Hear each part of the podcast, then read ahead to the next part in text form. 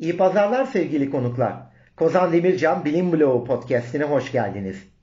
8 Mart Dünya Emekçi Kadınlar Günü kutlu olsun. Kadınların özgür olduğu, birer birey ve insan olarak ayrımcılık görmeden olduğu gibi kabul edildiği bir dünya, kadına şiddete hayır diyen, insan haklarına saygılı olan, kadınları kısıtlayarak baskı altına almayan bir dünya hepimizin dileği. Ben de bugüne özel olarak en temel fizik teoremlerinden birini geliştirerek bilime büyük katkıda bulunan bilim kadınlarından biri olan Amy Noether'ı ve onun adıyla anılan Noether teoremini bloğunda yazdım. Noether teoremi nedir? Bu soruya geçmek için birkaç soru daha sormalıyız. Kara deliğe düşen cisimler geri çıkamadığına göre kara delikler yuttuğu madde ve enerjiyi yok ediyor olabilir mi?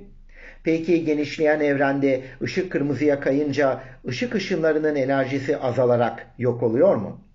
Dahası kara deliklerin buharlaştığı zaman yuttukları cisimlere ait enformasyonu yok ediyor mu?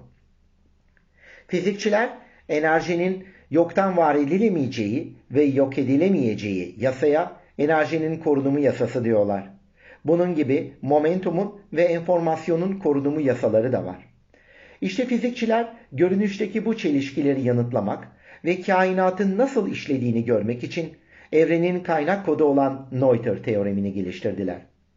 Evrenin kaynak kodu diyebiliriz çünkü Noether teoremi enerjinin, momentumun ve enformasyonun korunumu gibi en temel fizik yasalarını yine evrenin en genel ve en temel simetrisinden türetiyor.